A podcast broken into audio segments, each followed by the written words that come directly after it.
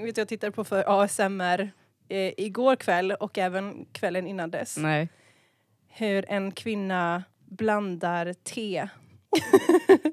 Okej. Hon, har, hon har en massa skålar med olika saker och så ska hon bla- göra sin egen, sina egna teblandningar med olika eh, torkade f- mm, saker och blommor och sånt. Det var ju inte allra värst. Nej nej, alltså, Jag, jag tänkte så det finns ju mycket värre. ja ja.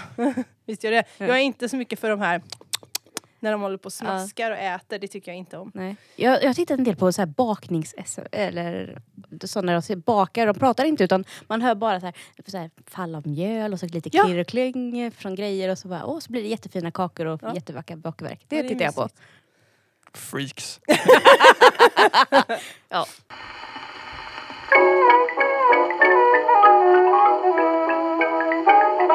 God dag allmänheten. Ni lyssnar på Bibblan svarar, en podcast som görs av biblioteken i Uddevalla i samarbete med den nationella svartjänsten Bibblan svarar.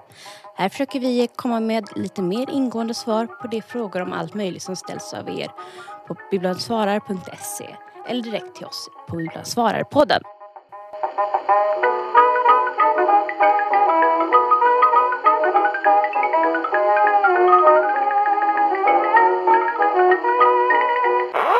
Välkomna kära lyssnare till ett nytt avsnitt av Bibblan svarar.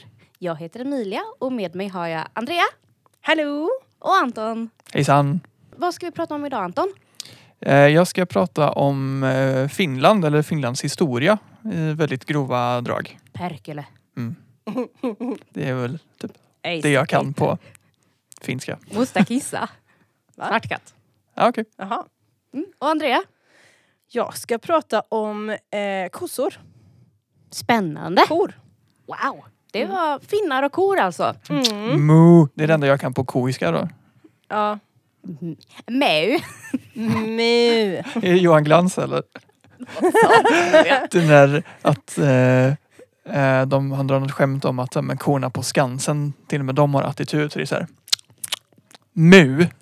Alltså, och så tuggar de vidare mu. på någonting. Men jag tror det är någon Disney-grej också. Så är det olika så här, dialekter på korna. Jag kommer inte ihåg vad det var. Äh, skitsamma, det här kan vi Jag tror faktiskt att kor har olika dialekter. mm. det, här var om- en spännande fråga som jag inte kommer kunna besvara. Ja, vi, vi klipper bort det här då så säger vi så här.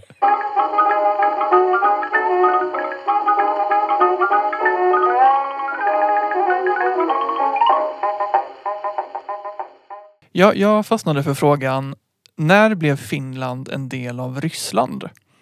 Eh, och eh, svaret som frågeställaren har fått är ju väldigt kort och koncist. Eh, och det är så här. Eh, 1809 blev Finland en del av det ryska riket. Och det var först 1917 som Finland blev en egen nation. Mm. Eh, ja, och det är inte så konstigt att de får ett sånt här ganska kort svar som det var en Mm. enkel faktafråga. Mm. Eh, men det var lite så här, tack vare den här frågan så insåg jag att jag inte vet så mycket om Finlands eh, historia. Nej. Eh, vi har varit inne lite grann på det i något annat avsnitt av podden sa du Andrea när jag sa att jag skulle ta den här frågan. Jag vill minnas att Tobias sa någonting, alltså det var någonting, vi spelade i alla fall in med Tobias, men jag minns inte. Det var någonting om att Någonting om att eh, Finland har väl alltid tillhört Någon annan. någon annan. Typ. Ja. Ungefär. Jo, men de blev ju självständiga förvånansvärt kort tid sedan. Som Ja. själv, Finland blev självständigt. Jag minns bara vagt att det var något avsnitt där vi eh, var ute på ganska tunn is och började prata om andra länders eh, tillhörighet och huruvida de var, hade varit självständiga och när och, och inte, inte vilka det, de hade tillhört och inte och så vidare. men det är inte det ett tema på den här podden att vi ofta befinner oss på väldigt tunn is som vi sakta behöver backa ifrån? Ja, Så jag tror, kan det kanske ja, vara. Jag tror att också det är någonting med att vi eh, så här, vill väldigt gärna veta svar på grejer utan att ha kollat upp det. Vi killgissar Vi en killgissar ja, mycket. Ja. Mm, eller bibliotekariegissar kanske, jag vet inte riktigt. Det är någonting med det här skrået tror jag som är att vi är så Mm. vetgiriga. Alla är lite besserwissrar, det är det du försöker få fram. Ja, Ja, så. Ja men låt höra nu Anton. ja men precis. Eh, här kommer en kort redogörelse för Finlands historia fram till att det blev en självständig stat. Ja. Kör! Ja. De första pålitliga tecknen på att människan var bosatt i det som idag är Finland Mm. eh, är från cirka 8500 år före Kristus. Eh, och då är det liksom spår efter enstaka jakt och samlarsamhällen. Eh, men man har också hittat fynd i den så kallade varggrottan. Fynd som består av stenverktyg, flisor och benbitar. Eh, och de här ligger liksom i ett orört jordlager som enligt geologerna är över 120 000 år gamla. Ooh. Så det är ju viss, eh, viss skillnad där på de 8500 eh, eller före Kristus och det är väl egentligen 10 500 ish. Mm. Eller 120 000 eh, år gamla. Ja. Och man kan då anta då att det har vistats människor där. Men det går inte att datera de här artefakterna som de har hittat. Nej. Utan man kan bara säga att den här eh, jordlagret hör till det. Så man är inte Mm. riktigt säker på att det här stämmer eller Nej, inte. det är ju sånt är ju lite klurigt. Ja, eh, Men det har funnits folk i alla fall ganska länge. ja, men precis.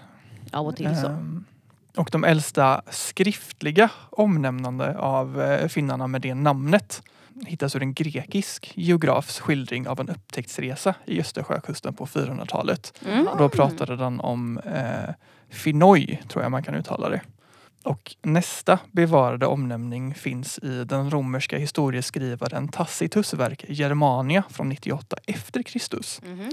Eh, och där noterar han att Fenny, eh, nu uttalar jag det på finska, jag tror inte att han uttalar det så, men Fenny eller någonting sånt där. Mm. Att de levde bortom Norra havet, fattiga men lyckliga. Bortglömda av både gudar och människor. Ja, Verkligen så att, eh, ja, det, väldigt ensliga då. Mm. Men det är intressant att veta, hade varit intressant att veta om de själva, alltså att, om det var den här, de, alltså den första källan var ju grekisk.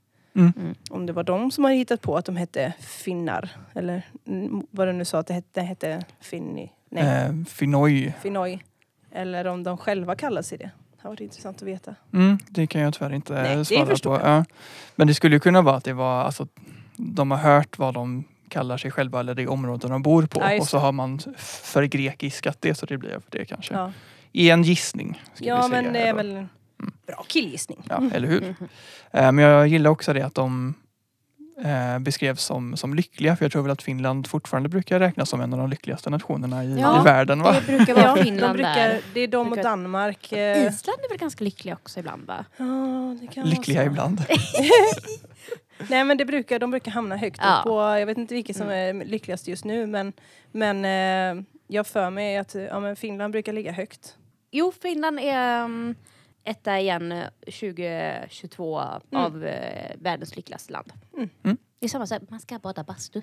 Det är bra för själen. Det är Ja, riktigt gött faktiskt. Det, Ja. Jag tycker det är jätteskönt. Ja. Speciellt i kombo med ett, eh, Kallbad. ka- en kall dusch Ja. eller ett kallbad. Är. Så här ett hopp Wow, i havet när det är kallt som skam och sen in i en varm bastu. Det finns inget bättre. Eller ut och rulla sig i snön. Ja, Ja, det går ju också. Det går Alla också. Ronja-style. ja.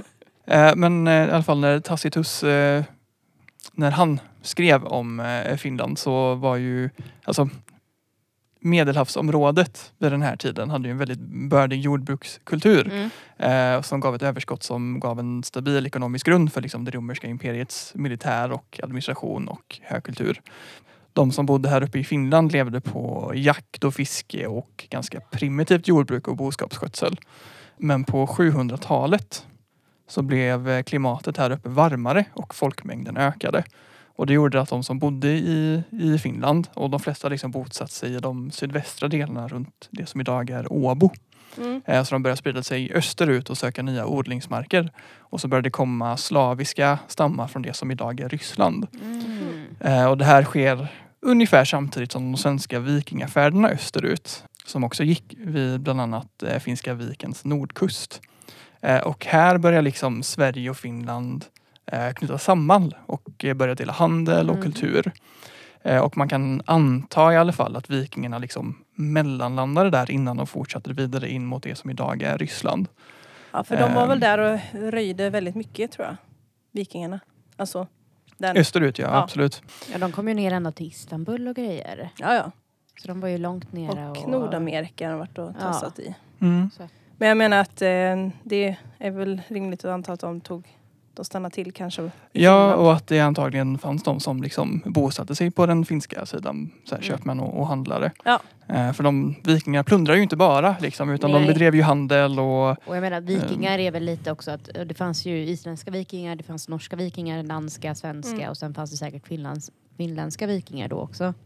Att same, same shit här runt. ja, ja men precis. Och, och de vikingar var ju också ganska så här. De kunde ta upp eller ta över typ politiskt svaga och obebodda regioner Mm. så det är inte omöjligt att de har varit med liksom, i Finland och gjort det. Mm. Eh, det var liksom bland annat eh, vikingahövdingar som tog över styret i Novgorod och Kiev Mm. och la grunden till det ryska riket senare Ja, också. det. Ja. Mm. Ehm, sen kör vi ett hopp ända till 1100-talet. Eh, för då stärktes eh, kungamakten i Sverige och då började man snegla liksom ännu mer eh, Mm. åt Finland. Eh, och det här är också någonting som eh, påven tyckte var en väldigt bra idé. Eh, för det pågick typ en, en maktkamp mellan påvemakten och det tyska kejsardömet. Och den tysk-romerska kejsarens korsriddare. Oh, shit. Den Va? tysk-romerska kejsarens korsriddare. det, var, det var kul att säga fort fem gånger. Då säger det igen. Den tysk-romerska kejsarens korsriddare Wow. Hade redan vunnit land i Baltikum. Oj, oj, oj. Mm. Så då tyckte ju påven då att om katolska Sverige liksom kunde ta över lite områden Mm. i Finland och öka påvens inflytande i norr så hade ju det varit toppen. Mm. Eh, Och det fanns ju också oro att den ortodoxa kyrkan skulle göra framstötningar från Novgorod då. Så då ville man ju Mm. verkligen så. Eh, Och enligt Erikskrönikan så var det Erik Gedvardsson, eller Erik den helige, eh, som ledde ett korståg faktiskt eh, och anslöt Finland till Sverige. Hmm. Jag visste faktiskt inte det att Sverige hade varit ute och eh, Korståget. bedrivit korståg. Precis, vad är verbet för det korståget? Eh, korsfarit. det låter Varit faktiskt... korståg. Varit Nej, på korståg. Men Har du, Bedrivit. inte, har du menat att du inte har läst Arn alltså? Jan Fast jag tänker ju att där Men var det ju var en... Finland då? Nej men han, det var ju korståg hit och dit och de pratade om massa sig. Han var grejer. Och, Ja, ja, Jo, han men jag tänker att det snarare kanske är enstaka riddare som ansluter sig till redan existerande korståg, korsriddare. Inte att Sverige har varit liksom... Eller gör de det i Arn också? Att det är liksom så här svenska kronan som nu ska vi över och konvertera. Jo men de skickar ju gäng. Alltså, Nu- jag nu kommer var- inte ihåg. Nu, det nu här ska var, jag, det var länge sedan jag jag, har läste den inte här läst boken. böckerna, jag har bara sett film. Jag Ja, har det är ju samma både. här i och för sig. Och jag har inte sett dem sedan de kom på bio ungefär. Så Snälla jag skicka kan- in en fråga av svenska korsriddare så vi kan gå vidare med kommer det. inte ihåg. Men det är oavsett så tycker jag det är intressant att det bedrevs Korståg. korståg till Finland. Ja, Liksom. eh, och med den här kungen så var det en, en brittisk munk som heter Henrik eh, som sen eh, döpte finnarna efter att de blivit besegrade av kung Eriks, kung Eriks män. Eh, Och Henrik blev Finlands första biskop och blev Mm. också senare skyddshelgon för, de, för det medeltida Finland. Jaha. Jaha. Eh, Men i, i boken Finlands historia av Henrik Meinander så skriver författaren att så här, ja, men, eh, även om kristnandet av Finland i huvudsak avancerade fredligt, alltså det kanske inte var så Mm. jättemycket krig och grejer, eh, så förutsatte kyrkans egen legendbildning att processen beskrevs som en aktiv kamp mellan det goda och det onda som Mm. utmynnade i att folket kristnades. Ja, det är klart. Ja. Som vanligt. Det är väl Eh. det där segraren skriver historien och så vidare. Ja men också det intressanta är att så här, oh, de gav sig ganska frivilligt till den kristna tron. Ja. Nej nej nej nej nej, fuck det. Det måste vara strid, vi måste Ja. besegra Nej, det här, det, här någonting. var, ja. det här var alldeles, det här kommer inte folk tycka är intressant. Vi måste ha kämpat vi för det här. vi måste ju visa att vi är starkast. Vi Liksom. gick dit och de sa okej, nej det är ingen som är intresserad av. Vi måste krydda till det här lite med att det var lite strid och lite Mm. ondska och häxerier eller något. Jag vet inte. Mm. Precis. Och under de kommande århundradena så knöts Finland allt eh, närmare Sverige. Och det fungerade lite grann som en buffertzon mellan Sverige och Ryssland. Mm. Ehm, och på 1300, en intressant liten side-note bara, men på 1300-talet så kallades liksom den här delen av svenska riket, alltså den finländska delen, för Osterlandia eller Ja. Österlandet. Mm. Ehm, men det var under flera följande århundraden så blev, var det ett biskop, biskopsstifte. Biskopi. Så var det ett, biskopsstifte. Låt oss ta in biskop istället. Tänkte bara på kexen. Biskvier eller? Det Nej, men det, finns ju, det finns ju en kaka, Lotus Biscoff. Eh, Har du inte smakat på den? jag har faktiskt inte ätit, jag tror inte jag har ätit Biscoff någon gång. Oh my! Jag har bara sett eh, massa eh, klipp på Instagram där folk gör typ Biscoff cheesecakes och liknande. Det är ett kex alltså. Mm. Okej. Och en kräm. Är den god alltså? Ja, helt okej. Du lät, du lät väldigt Det lät upprörd när vi sa att vi verkligen. inte hade ätit det. Det sen Och, bara, nej, nej, okej. Ja, Den, den, den, den, den funkar väl. Den är Ja. inte, det är inte min favoritkaka men... Nej, jag vet eh, inte varför den har blivit så hypad bara. Det är det. det, jag, jag fixar det här till sommarfikat eller något så bakar jag något så att ni får smaka. det låter Ja. jättebra. ja, bra. Jag kan ta en flaska mjöd till det också så Ja. blir jag nöjd. Mm. Ja, just det. Fint. Eh, Men det jag skulle säga i alla fall var att eh, under följande århundraden så blev biskopsstiftet i Åbo eh, så viktigt att eh, hela den här östra delen av Sverige istället började kallas för Finland för att landskapet där staden Åbo och dess stift låg i hette Mm. Finland. Ja, Ja. Så det är därifrån det namnet kommer. Ja, ja. Eh, Men i alla fall, Finland funkar lite grann som en, som en buffertzon som jag sa mellan Sverige och Ryssland. Mm. Eh, Även ifall det var en integrerad del av det svenska riket. De hade samma rättigheter och skyldigheter som resten av, av Sverige. Eh, Men det var väldigt många krig som skedde på finsk mark. Mm. Eh, så jag- Tacksamt verkligen. Ja, eller hur? Jag kollade upp det på en, en Wikipedia-lista att det utkämpades eh, 14 krig mot Ryssland från typ 1300-talet till eh, 1800-talet. Och gränserna där drogs om väldigt, väldigt många gånger och Mm. det var liksom Ah. ganska vanligt. Även ifall det inte var regelrätta krig så var det ganska ofta som man så här härjade över gränserna åt, eh, åt båda hållen. Oj, oj, oj. Ehm, och eh, ett av de här krigen var det stora nordiska kriget som pågick 1700 till 1721. Och det utkämpades mellan Karl XII Sverige och främst Ryssland, Danmark och Polen. Eh, och kriget gick till en början väldigt bra för Sverige. Eh, men efter det stora nederlaget vid slaget i Poltava så vände det. Mm. Eh, Och då ockuperade Ryssland Finland mellan 1714 till 1721 i det som kallas för den stora ofreden. Och så här, militären och krigsledning flydde Finland men också ämbetsmän och präster. Så både gudstjänstliv och militär och administrativ kontroll över Finland bröts. Ryssarna ödelade också landsbygden och deporterade befolkningen i strategiska områden. Eh, Och finnarna fick betala skatt till den ryska arméns underhåll. Och det var också en del som blev inskrivna i den ryska armén. Mm. Och sen då 1721 så slöts Nystadsfreden mellan Sverige och Ryssland. Eh, där Sverige fick avsäga sig vissa territorier i bland annat Finland men också i andra delar av Europa. Eh, och man brukar räkna det här till liksom svenska stormaktsväldets fall. Ja, för det var ju, det finns ju områden som eh, ligger i Ryssland som eh, har fortfarande svenska namn. Så kan det vara. Jag tänker också att det ser ut som det är eller men jag har bara kollat på Google Maps för att försöka få mig ett hum om så här, geografin när jag har läst Mm. om det här. Så känns det som att det är en del eh, städer och byar framförallt som ligger nära finska gränsen som heter lite finskklingande namn. Mm. Ja. Nej, jag har för mig att det, det finns fortfarande vad ska man säga, svenskspråkiga kopplingar. Det finns ju I, någonting som heter eh, Gammelsvenskby men jag tror det är i Ukraina va? Ja, det kanske Mm. det är det. Det kanske är att jag... Alltså, den, de delarna blev ryskt men det sen blev det ukrainskt kanske. Så kan det Ja. kanske vara. Ja. Ja. Eh, sen 1808 eh, så anföll Ryssland Sverige via Finland på grund av bara europeisk storpolitik. ja. Because why not? Because Napoleon. Eh, ja. Fair. Ja, det var någonting med att Napoleon ville införa en handelsblockad mot Storbritannien och då så sa Sverige nej det ska vi inte göra och då så sa Napoleon till Ryssland så här, gå och peta på Sverige och se ifall de kan införa den här blockaden. Men de vägrade så då anföll man eh, Finland. Eh, men det var också en chans för Ryssland att här, förbättra säkerheten kring eh, Sankt Petersburg. Och, eh, den svenska armén var väldigt dåligt rustad och började genast retirera och här, svenska trupper fick lite små segrar eh, men det var också st- stora svenska fästen som föll. Eh, och när ryssarna sen tog Umeå och hotade Stockholm så stod det klart att så här, okej shit, vi kommer inte vinna det här kriget mot ryssen den här gången. Eh, så 1809 skrevs ett fredsavtal eh, där Sverige förlorade hela Finland till Ryssland. Ja, och det sjuka är att det är liksom en tredjedel av Sveriges landareal och en fjärdedel av sin befolkning blev de av med i samband med det fredsavtalet. Mm. Det kan inte, det är ingenting som man som kung har lust att gå ut med kanske, eller drottning, jag vet inte vem som regerade då. Jag tror inte drottning. Nej, eh, Att man det, bara, ja, hej mina undersåtar. Eh, en grej var det jag ville berätta. Jag tror att den kungen som eh, eh, han som var kung när han sa typ nej vi ska inte stoppa den här handelsblockaden. Eh, han blev ersatt eller han, det blev en Avsatt. statskupp. Ja. Så han blev avsatt och så försökte regeringen få Ryssland så här typ by the way nu har vi avsatt kungen. Eh, fred och de bara nej. Nej, det funkar Ja. inte.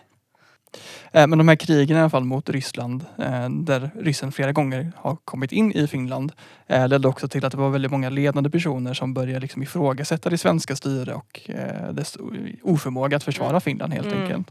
Så när den ryska kejsaren lovat att befolkningen skulle få behålla sina lagar och sin representation och dessutom få ett ekonomiskt stöd så blev ja, de blev lite ryssvänliga ga- ganska mycket snabbare i alla fall. Ja, ja. Och under perioden som eh, Ryssland hade Finland så blev de också ett ganska relativt självstyrande fursten, storfurstendöme. Mm. Eh, bara att de hade den ryska tsaren som överhöghet. Ja, ja. Och under den här perioden så minskade det svenska kulturella inflytandet och det finska språket och kulturen stärktes. Eh, sen vet jag inte, har ni talas om Kalevala någon gång? Ja, men det låter, är inte det något, uh, Kalevala, är inte det något sånt nationalt epos? Ja, men precis. Eh, Elias Lönnroth. Nationellt eh, epos. Som Mm. samlade ihop gammal så här, folklore och folkdiktning Mm. och släppte Ja. det så det blev liksom ett nationalepos. Eh, det finns en jättebra eh, kalanka serie om det är typ tre delar eller någonting som är skriven om Don Rosa som heter Ja. Jakten på Kalevala. Där Ja. Kalle eh, hamnar, eller ja, Kalle och farbror Joakim och knattarna och alla hamnar liksom i den här myten och så ska jag försöka åter... Ah, Vad roligt. De han återberättar den i alla fall i Kalle världen Den är Mm. svinbra. Den kan jag verkligen rekommendera. ja, kul. kul ändå. Eh, Men det här, det här var väldigt viktigt för eh, finnarnas självbild, eller man ska säga. Liksom, den visade på att det fanns en egen finsk historia och tradition innan man blev en del av, av eh, Sverige. Mm.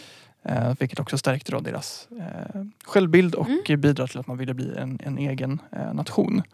Eh, och när den ryska tsarens ställning försvagades under eh, ryska revolutionen eh, så lyckades de driva igenom en eh, riksdagsreform och allmän rösträtt infördes. Mm. Eh, och det här var eh, 1905 och då fick även eh, kvinnor rösta. Så Finland var första landet i Europa där kvinnor fick rösträtt. Awesome. Nice. Och efter den ryska oktoberrevolutionen 1917 så krävde eh, Finlands eh, partier Finlands självständighet. Eh, och de förklarade sig självständiga 6 december 1917 och bolsjevikregeringen som tog makten erkände självständigheten den 31 december 1917. Mm. Så det här är alltså Finlands historia i väldigt breda eh, penseldrag. Eh, men om man verkligen vill grotta ner sig i det här ämnet så kan jag rekommendera boken Finlands historia skriven av Henrik Meinander som jag nämnde snabbt eh, i min prata. Som är professor i historia vid Helsingfors universitet. Mm. Den går verkligen in på, på djupet. Och sen har vi mycket där också som vi inte ska gå in på nu men just under andra världskriget, det finska vinterkriget och de Ja, här ja, ja, grejerna visst. som Och finska inbördeskriget som hände typ Ja. precis efter de blev Ja. eh, självständiga. Men jag känner att jag, jag, jag avslutar det här annars så Ja. kommer Ja, det var ett rimligt ställe vi. att stanna på. Jag känner mig Absolut. berikad med finsk historia. Ja, jag känner mig lite stolt att vara halvfinne. Är det det? Ja. Kommer nu i slutet och bara, ja by the way.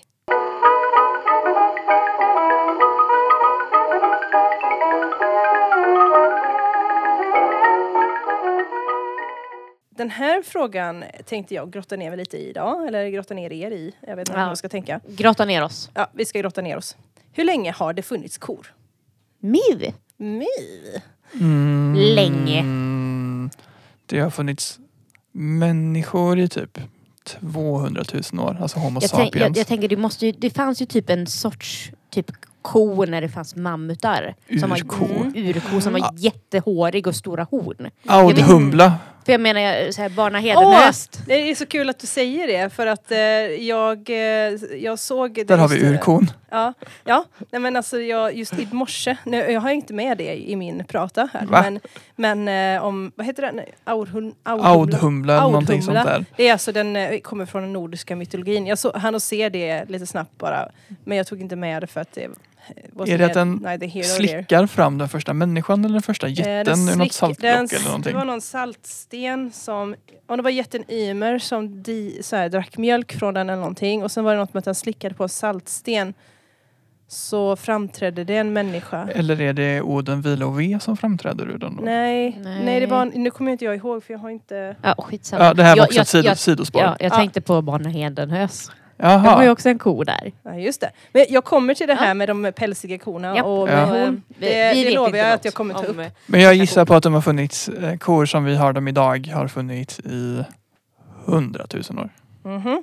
Vill du care to guess? Och jag tror inte det är så länge alls. Eh, domesticerade kor har kanske funnits i... Vad tror vi? Eh, 10 000 år. Jättebra gissning faktiskt. Fan. Det var en väldigt bra gissning. Eh, man kan säga att det är more or less on the dot. Eh, men så här Nu är klipper vi bort mitt, eh, min gissning. Tror du ja. Eh, men svaret som frågeställaren fick var, eh, var att hur länge man kan anse att kor har funnits beror lite på. Mm. Beroende på hur man ser på saken så har kor funnits i 10 000, eh, 5 000 eller 300 år. Eller egentligen 10 500 år som jag kommer till. Mm. 5 000 eller 300. Lite förvirrande jag vet. Ja. Eh, men jag ska reda ut besticken för er. Ja tack. Så först tänkte jag bara dra lite, lite fakta om kor. Ja, bara ja. lite generellt liksom. Älskar kor. Ja, ja Eh. men de är faktiskt fina. Jag snäppet bättre tycker jag om grisar. Men eh, eh, generellt när man pratar om kor så menar man ju antagligen nötkreatur. Alltså att man- brukar säga ja men kossor eller kor. Mm. Mm. Men eh, ordet ko är ju egentligen en hona av arten nötkreatur som har kalvat minst en gång. Ja just det, för Och annars, är, därför producerar mjölk. ja, för annars är det en kviga. Ja, exakt. Woho! Och hanvarianten kallas förstås för tjur. Men vet ni vad en oxe är för något då? En kastrerad Mm. ko. Eller tjur. Ja. Men det är också specifikt för det är så här, en oxe är en kastrerad tjur som är tre år eller äldre. Mm. Det finns ett annat ord för om de är tre år, eh, upp till tre år. Ungtjur?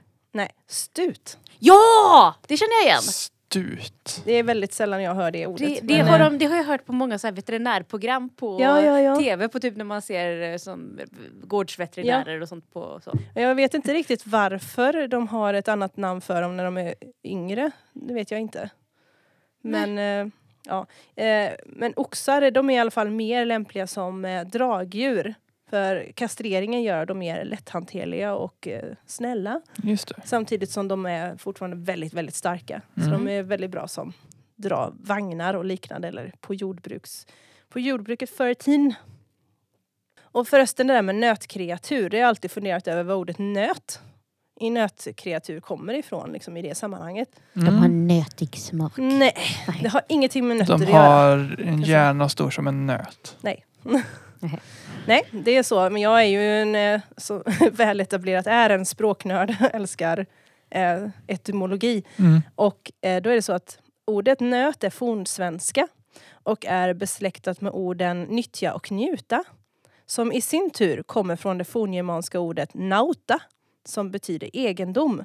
Så man kan säga att nöt är liksom eh, Nyttodjur som man nyttodjur, äger. Något som man, kan, eh, något som man äger, något som man har och kan nyttja. Jaha. Eh, något som man använder till vardags så att säga. Alltså väldigt användbara djur. Tänk vad man lär sig på denna podden. Ja, Eller hur? hur? Då Och- tänker jag åt motsatsen fläsk då. Fläskkreatur. eller det kanske inte är Det det. säger man ju inte, man har ju fläskkött. Ja, det är sant. Vill ni höra, jag vet inte om jag kommer ta med det men jag kan ta med det ändå för att det är kul. Mm. Vad eh, det här ordet nauta som jag sa, Mm. Som är Nöta. germanska, sa jag va? Forngermanska. tror jag så. Forngermanska.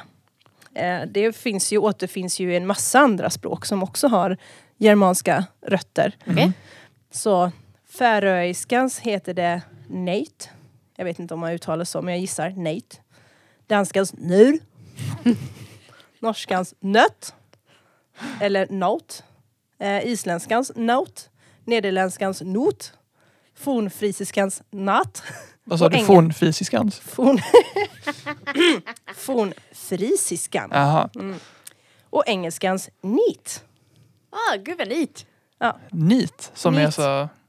Oh, that's neat. Ja, jag tror det. I Alltså, think you're neat. Ja, typ att något är, något är trevligt. prydligt och Ja. bra och Ja. käckt att ha. Ja. Jag vet inte. Ja, man ska- se där. Ja, It's a precis. cow. That's Och neat. eh, det står också att man kan jämföra nauta som är där forngermanska med isländskans nautr som betyder värdefull egendom eller litauiska nauda som betyder vinst eller egendom. Ja, men Så de känns ju- orden eh, finns ju också. Nej, så det var bara ett litet stickspår. Det är det vi är kända för. Mm, ja, varför inte? Vi är inte kända för Ja, Precis, det är kända för är väl att ta i kanske. Nej. Men, Eh, Det är en sån grej vi har inte den så ägna oss åt. Ja. Så, nu när vi vet det då så kan vi ta en djupdykning ner i historien. Vår tids nötkreatur, de härstammar då från uroxen. Och det var den här fluffiga kossan Ja. vi pratade om. Eh, och den är numera utdöd. Eh, det sista exemplaret av uroxen dog i Polen har man kommit fram till Okej. 1627. Det var inte så länge sedan. Nej det var inte så himla länge sedan med tanke på att den har funnits väldigt, väldigt, väldigt, väldigt länge. Ja. Man tänker Eh. så här, nej men den försvann typ på vikingars tid, men så här Ja, 1600-talet. nej. det, är ju inte, det är inte så många hundra år sedan. Nej. Uroxarna de var betydligt större än dagens eh, nötkreatur och hade mycket längre horn eh, än nötkreaturen idag. Och man kan ju förstås inte vara helt säker på när man började domesticera, alltså Mm. tämja uroxarna. Eh, tidigare har man ansett att de första tama uroxarna dök upp i Mellanöstern eh, cirka 7000 f.Kr. Men nya studier visar att detta skedde ännu tidigare. Eh, det var ett team av eh, forskare från CNRS som är det nationella centret för vetenskaplig forskning eller Centre National de la Recherche Scientifique på franska. Det lät, Ganska bra. det lät väldigt bra ändå. Ja. Vi måste sluta ha med så mycket ord vi inte kan uttala känns det som. Men jag Ja. tyckte att jag nog, ja, jag, jag, jag chansade liksom. Men jag ja, ja, det, det lät bra. Det lät Ja, bra. Det absolut. lät bra. Jag köper det. Och eh, national, Naturhistoriska nationalmuseet i Frankrike, universitetet i Mainz i Tyskland samt eh, UCL, eller University College London Mhm. i Storbritannien. Eh, de har kommit fram till att alla nötkreatur idag härstammar från en liten grupp uroxar på bara kanske 80 individer i västra Asien för så länge som 10 500 år sedan. Det är länge sedan. Mm. Och detta kommer fram till genom att undersöka DNA från ben från domesticerade boskap som har hittats av arkeologer vid iranska undersökningsplatser. Man har också kunnat datera dessa platser i tiden kort efter att jordbruket uppfanns. Så det är ganska, alltså generellt så är det här området väldigt spännande just Mm. när det Mm. kommer till människans utveckling. För att det är liksom i det här området som Mycket hände. mycket hände Mm. eh, i det här området. Ja. I samma områden har man också hittat spår efter de första tama getterna, grisarna och fåren. Mm. Ja. så de var verkligen så här. Det var de som uppfann det här Mm. med att man har boskap. Boskapsskötsel. Ja, Ja. men Ja. det är så här bara, åh, de här djuren kan vi få mjölk av och vi får kött av. Och vi får, Och vi får ull så vi kan göra, göra kläder ja, av. och Alltså, så skinn sen ja. också. nej, det är ju supersmart egentligen. Så här, Ja. måste de känt varför kom ingen på det här tidigare? För att slippa ut och leta mat. Nu kan vi bara ha något som producerar mat och annat åt oss hemma. Jag ser bara hur typ någon så här, verkligen poletten trillar ner hos någon så här bara "Åh! Man kan, man kan ha dem här! ja, man kan faktiskt Om jag ger den mat så stannar den. Ja, och sen så kan den föröka sig och så får jag fler! Oh my god! Ja. Och man kan ju dra också slutsatsen om att det måste ha varit eh, ganska svårt att göra uroxarna tama. Då det, de antagligen inte var så lugna och snälla som dagens kor.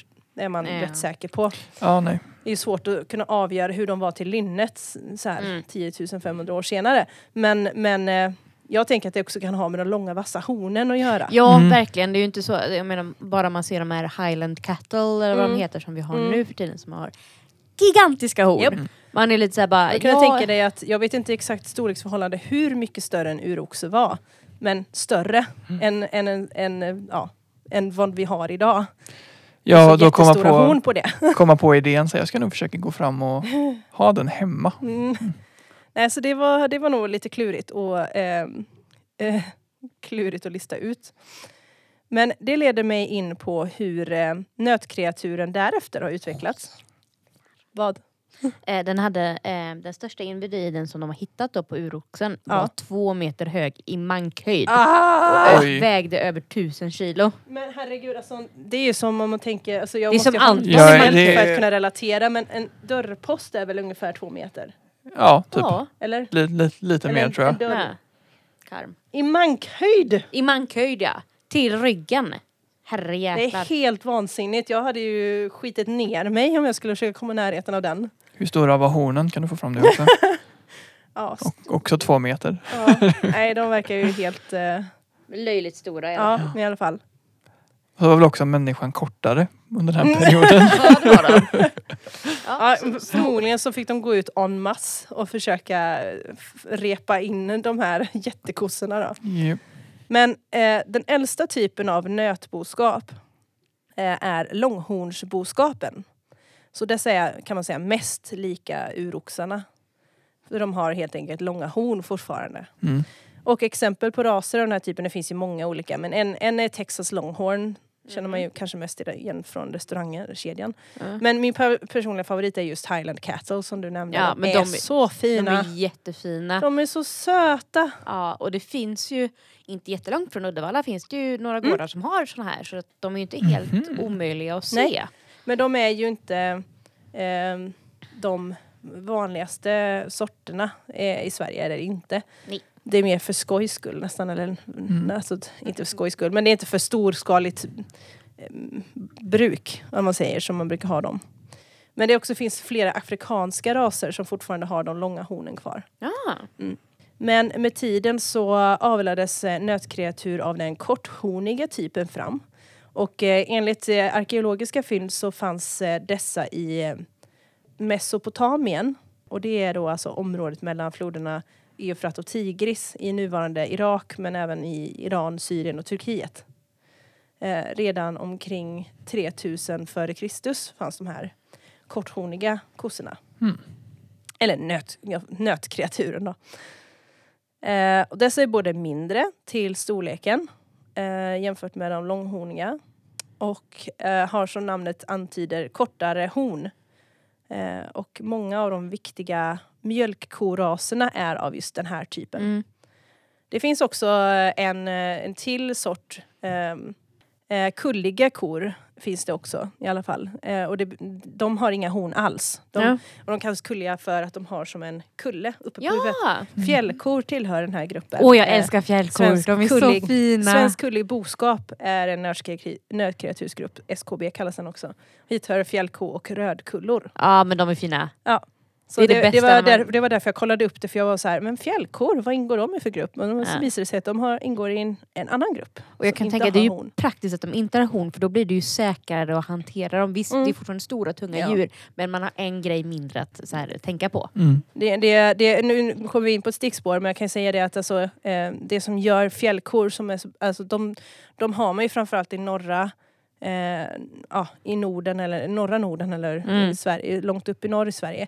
Och det är för att de är mindre och lättare än de andra mjölkkoraserna som vi använder mer av. Mm. Eh, och därför så passar de bättre uppe där det är mer kuperat Mm. i Mm. bergs eller skogstrakter. Mm. Eh, och de behöver heller inte lika mycket näring på vintern. Mm. De liksom har ett sätt att samla på sig under sommarhalvåret på något vis. Så att, vilket också är bra eftersom det är mycket vinter längre Ja. norrut. Kanske lite magrare bete. Men de, är, de producerar inte lika mycket mjölk så Nej. det blir mer småskaligt eh, jordbruk med de här. de är ju så fina. Men de är man, jättefina. Ja, det är bland det bästa när man går till eh, lantgrejen på eh, Nordens ark och ser Ja. alla de gamla lantraserna. Ja, de är fina. De är så fina. Ja. Men eh, tillbaka till de korthorniga boskapen. Yes. Och eh, de kom till Europa under tidig stenålder. Men Så pass blev eh, vanligare under järnåldern. Mm. Och det finns givetvis en massa olika grupper som ingår i den här typen av korthorniga boskap. Men eh, det jag ville nämna lite grann om var låglandsboskapen. Och jag kommer, ni kommer förstå varför. Mhm. Eh, och dessa har sitt eh, ursprung i ett område som sträcker sig från Nederländerna eh, upp till Jylland i Danmark. Okej. Och eh, 1874 började man använda stambok. Och det var inte bara med kossor utan det var med jag läste att det var första man använde det var på en fullblodshäst.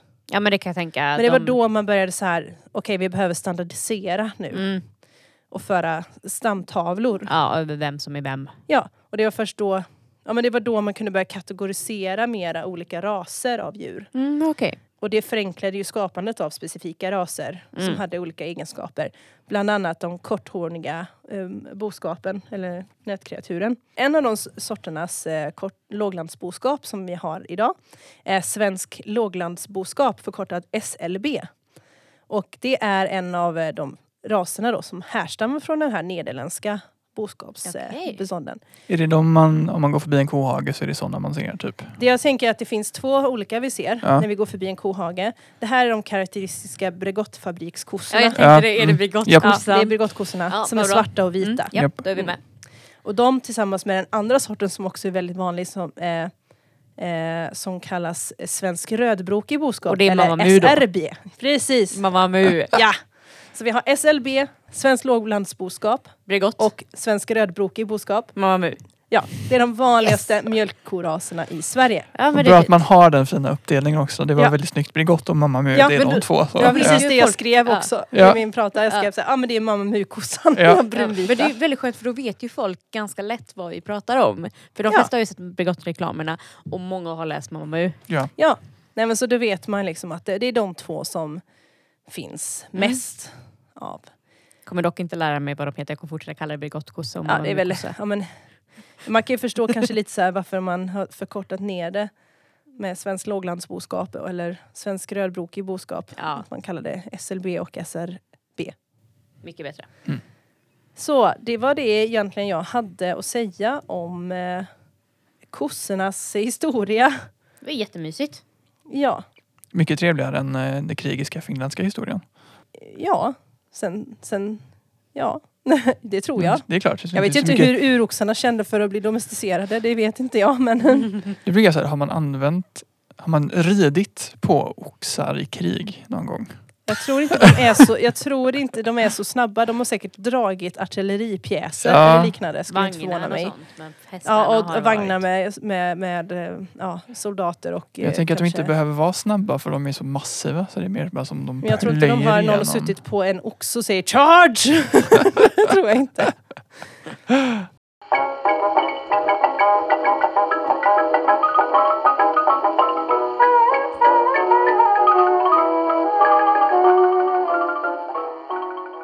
Då ska vi se, eh, vad har vi lärt oss idag Anton? Eh, Vi har lärt oss att eh, Finland ganska sent blev en egen nation eh, och att det har härjats mycket mellan krig mellan Ryssland och Sverige skulle man kunna säga. Okej. Härjats av krig mellan Ryssland och Sverige. Och Andrea? Ehm, vi har lärt oss att eh, våra fina Mamma Mu-kossor och eh, Bregottkossor härstammar från jätte, jätte, jättestora uroxar som är typ två meter höga och har enorma horn. Som var nog lite mer aggressiva också kanske. Det är alltid något. Ja. Det är riktigt bra. Så det kan ni tänka på nästa gång ni passerar en kohage. Ja, det var väl allt för oss denna veckan. Mm. Ja, Jag tror det. Vi är ganska nöjda. Då säger vi hej då och så ses vi om två veckor igen. Nej, Två veckor. Två veckor är det. ja Varannan det är det. vi. Ha det bra nu. Hej då! Hej hej! Har du en fråga om precis vad som helst? I sådana fall får du gärna mejla oss på bibblansvararpodden snabel-a gmail.com eller på våra sociala medier så kan vi ta upp det i ett framtida avsnitt. Vill du vara helt säker på att få ett svar på din fråga kan du gå in på bibblansvarar.se och ställa den där. Om du gör det så kommer du få ett välbyggt svar och kanske kommer vi så småningom utveckla svaret i podden.